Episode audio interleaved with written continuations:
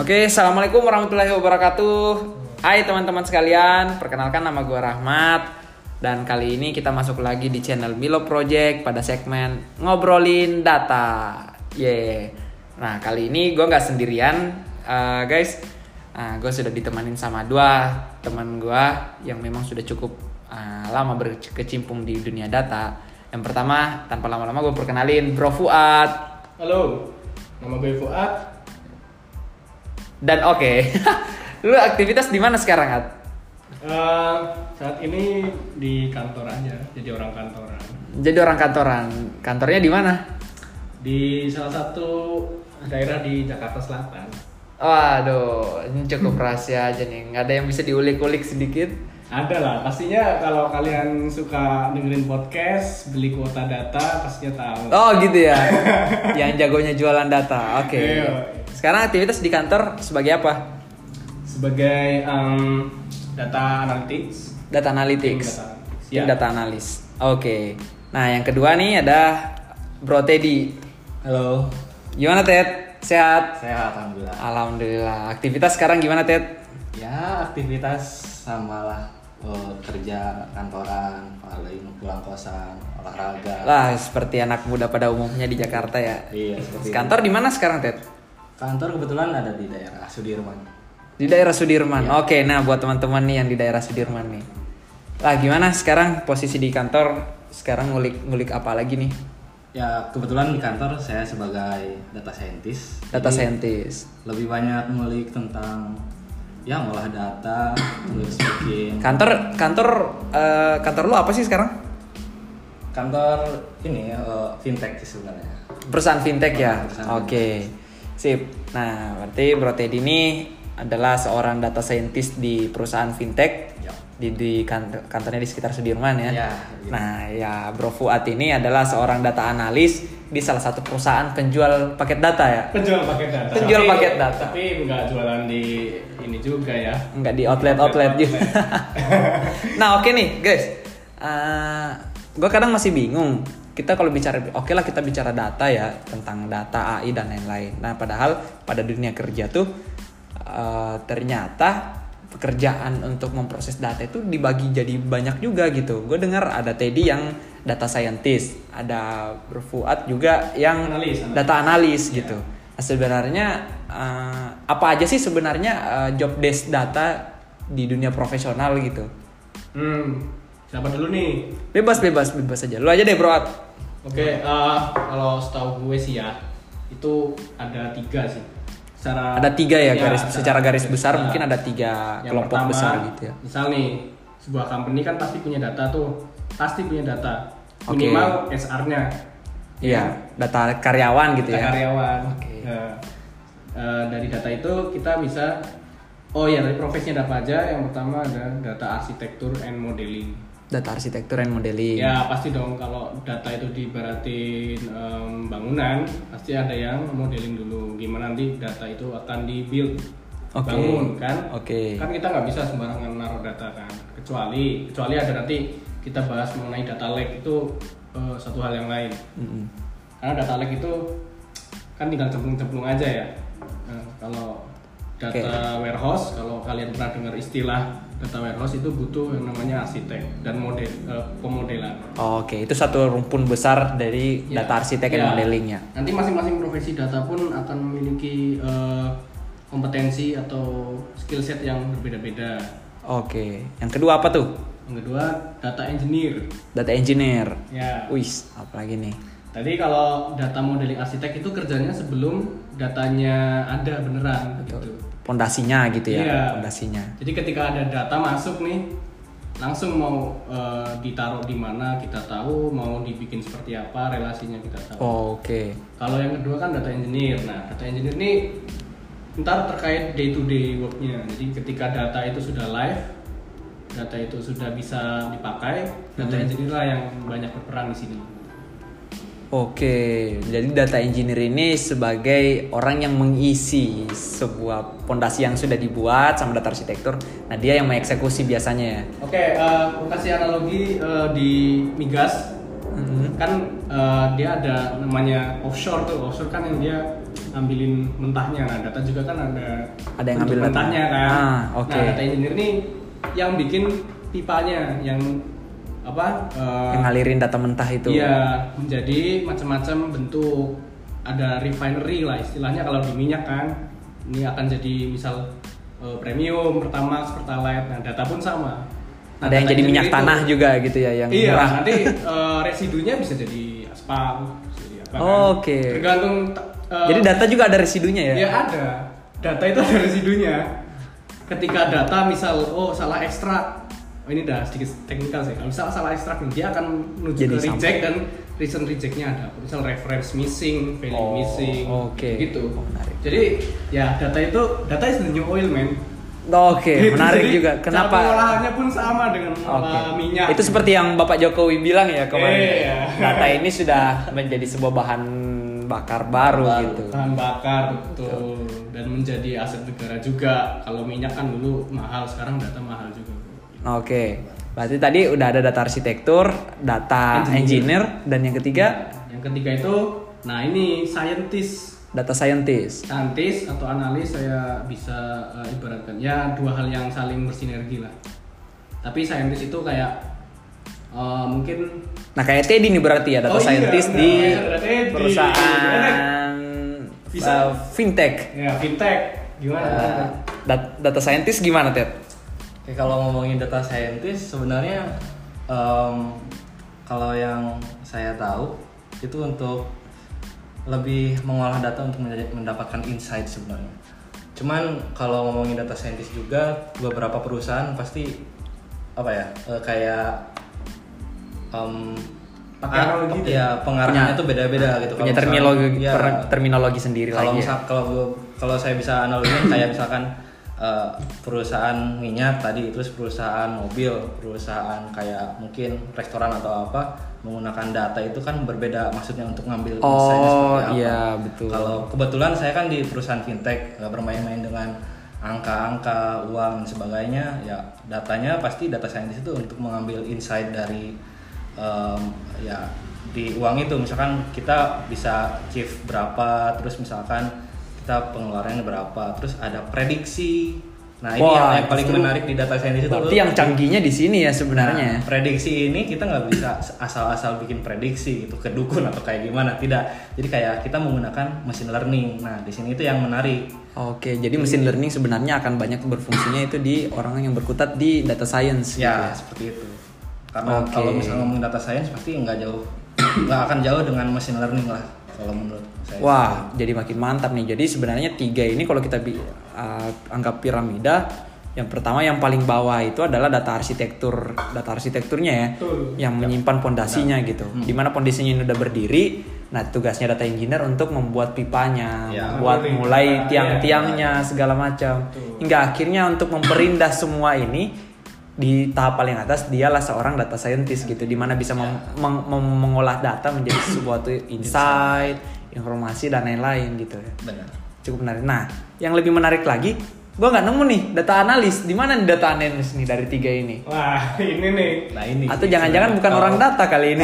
Kalau misal data lah, data analis lah. Cuman kan ini menurut point of view saya ya, nggak boleh setuju, boleh enggak sih. Ini kan apa ya open discussion sih. Kalau data analis tuh eh, dia asalkan bisa baca data, grafik, ya udah dia bisa jadi data analis. data analis Iya. oke berarti dia itu bisa masuk tipis-tipis di atas data engineer Mm-hmm. tapi bisa jadi juga melewati dikit di batas bawahnya data scientist Tapi gini gitu ya. loh, bisa kadang-kadang ya. orang salah kaprah kan, data analis tuh baca baca grafik gitu ya. Baca grafik paling misal ada ada bar ada apa? Bar chart, tahu kan bar Oke. chart? Nah, itu misal ada angka di situ. Bacanya itu bukan sekedar oh eh, label variabel apa terhadap apa Iya, terhadap apa lebih besar atau naik. Nah, bukan bukan gitu juga. Analis tuh lebih dari itu gitu. Maksudnya ada insight yang eh, dia itu apa ya? Tersirat lah ibaratnya. Apa sih eh, istilahnya itu? contoh seperti Jadi nggak terlalu obvious, jangan bacanya as is as it is. sebagaimana yang kita lihat pada gambar Iya, nggak itu, gitu itu juga ya Semua orang juga tahu. Nah, data analis itu harusnya Bisa lebih dari interpret lebih Ya. dalam dari itu kayak gitu loh. Kalau Gimana kalau menurut Bung Teddy? kalau saya bisa nambahin sih kayak misalkan sebenarnya kalau ngomongin data analis eh, memang eh, banyak beririsan dengan data scientist dan data yang lain itu terkecuali ya eh, sebenarnya data engineer itu Engineer enggak? lebih teknikal ya kalau Lebih teknikal. Oh, berarti analis sebenarnya masuk dalam rumpun keluarga besar data science juga ya sebenarnya. kalau misalnya ada mungkin beberapa perusahaan meng- apa mengelompokkan data scientist dan data analis itu sama. Makanya mungkin ada pernah dengar juga namanya data scientist analis, ada yang seperti itu. Oh, ada juga yang kayak gitu. Ada Wow. Kalau misalkan ya dalam ranah kerja banyak penyebutannya gitu tergantung Betul, perusahaannya. tergantung juga kebutuhan di Ya, perusahaan itu benar. seperti apa gitu ya. Tadi setuju juga sih kalau misalnya data analis nggak cuma ngelihat dari data seperti apa, yang paling banyak apa, ya maksud maksudnya kayak eh, statistik eh, basic gitu kayak eh, sum, terus mean, average dan lain Iya. sebagainya. Tapi juga bisa ngelihat dari data terus men- menarik kesimpulan gitu. Dan Iya, sebenarnya iya. yang menarik di eh, ranah data sebenarnya kita itu harus apa ya bisa meyakinkan orang berdasarkan data yang kita punya. Jadi sebenarnya kita tuh support banget buat orang-orang bisnis sebenarnya kalau di bagian data. Uh, luar biasa ya. Berarti sebenarnya memang ini tiga rumpun besar yang sebenarnya uh, sebuah konsepnya seperti itu gitu. Yang Penerapannya di perusahaan-perusahaannya tergantung perusahaan Iya, betul. membutuhkannya seperti apa gitu. Saya kasih contoh ya, misal perusahaan perbankan gitu, yang datanya itu data-data finansial itu berbeda, akan berbeda jika kita misal data analis itu ditempatkan di perusahaan otomotif.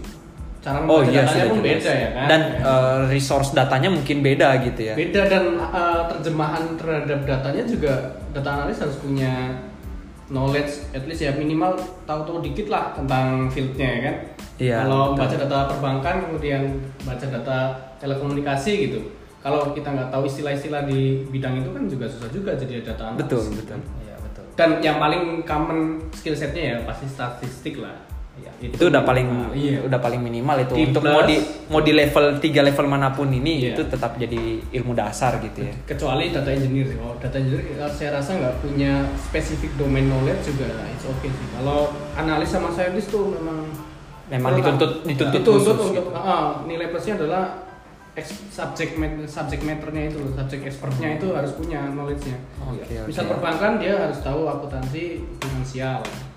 Kalau misal data telco ya dia tahu harus tahu data telco Mhm, kan. mhm, Ya, ya, Mhm. tipe jaringan 2G, 3G, 4G. Eh, kebetulan saya dari telco kan. ya. Jadi bisa baca lah ibaratnya. Oh, oke. Traffic eh, misal eh, throughput, bandwidth, ya gitu. Wah gitu ya istilah telco banget. Nah itu Iya. jadi sumber datanya justru malah ya. Nanti Jadi- kalau di perusahaan kredit, ya dia tahu- harus tahu kayak em, credit score, credit risk itu harus tahu kan pertumbuhan ekonomi inflasi kayak gitu. Luar biasa banget.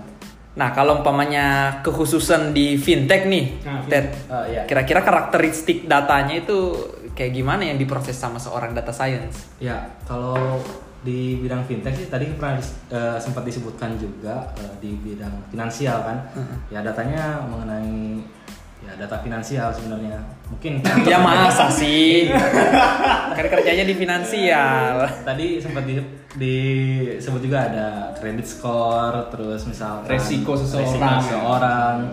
Kalau di data scien- scientist yang memang di ranah itu, kalau di saya sendiri saya lebih banyak uh, bermain di prediktif ya, prediksi credit score, terus behavior seseorang untuk melihat uh, Potensi yang dia untuk potensinya membayar dia untuk pinjamannya atau tidak. bagus atau tidak gitu. Betul betul. Kredit Karena kan kalau kita ngomongin finansial tidak semua orang bisa masuk ke situ. Maksudnya Iya, betul, Katakanlah mau meminjam uang atau katakanlah Iya membayar kemampuannya apa. membayarnya seperti Ya, apa itu diukur apa. juga ya. Kayak gitu kan diukur juga harus harus kita harus melihat resikonya juga. kayak Oke, wah berarti karakteristiknya sudah mulai kelihatan gini.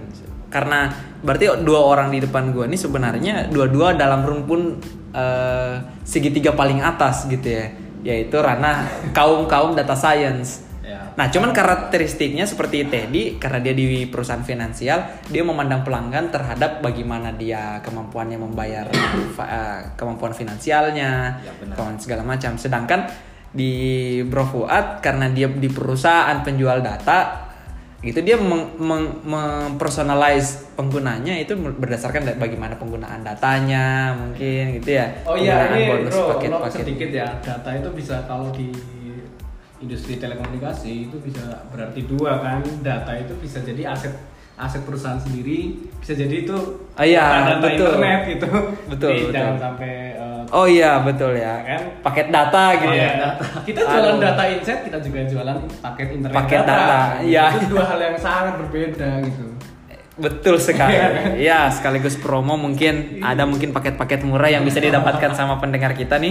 Iya, ada ya kalau mungkin pernah dengar surprise surprise deal. Ah, Oke. Bisa lah dicoba. Bisa lah dicoba ya.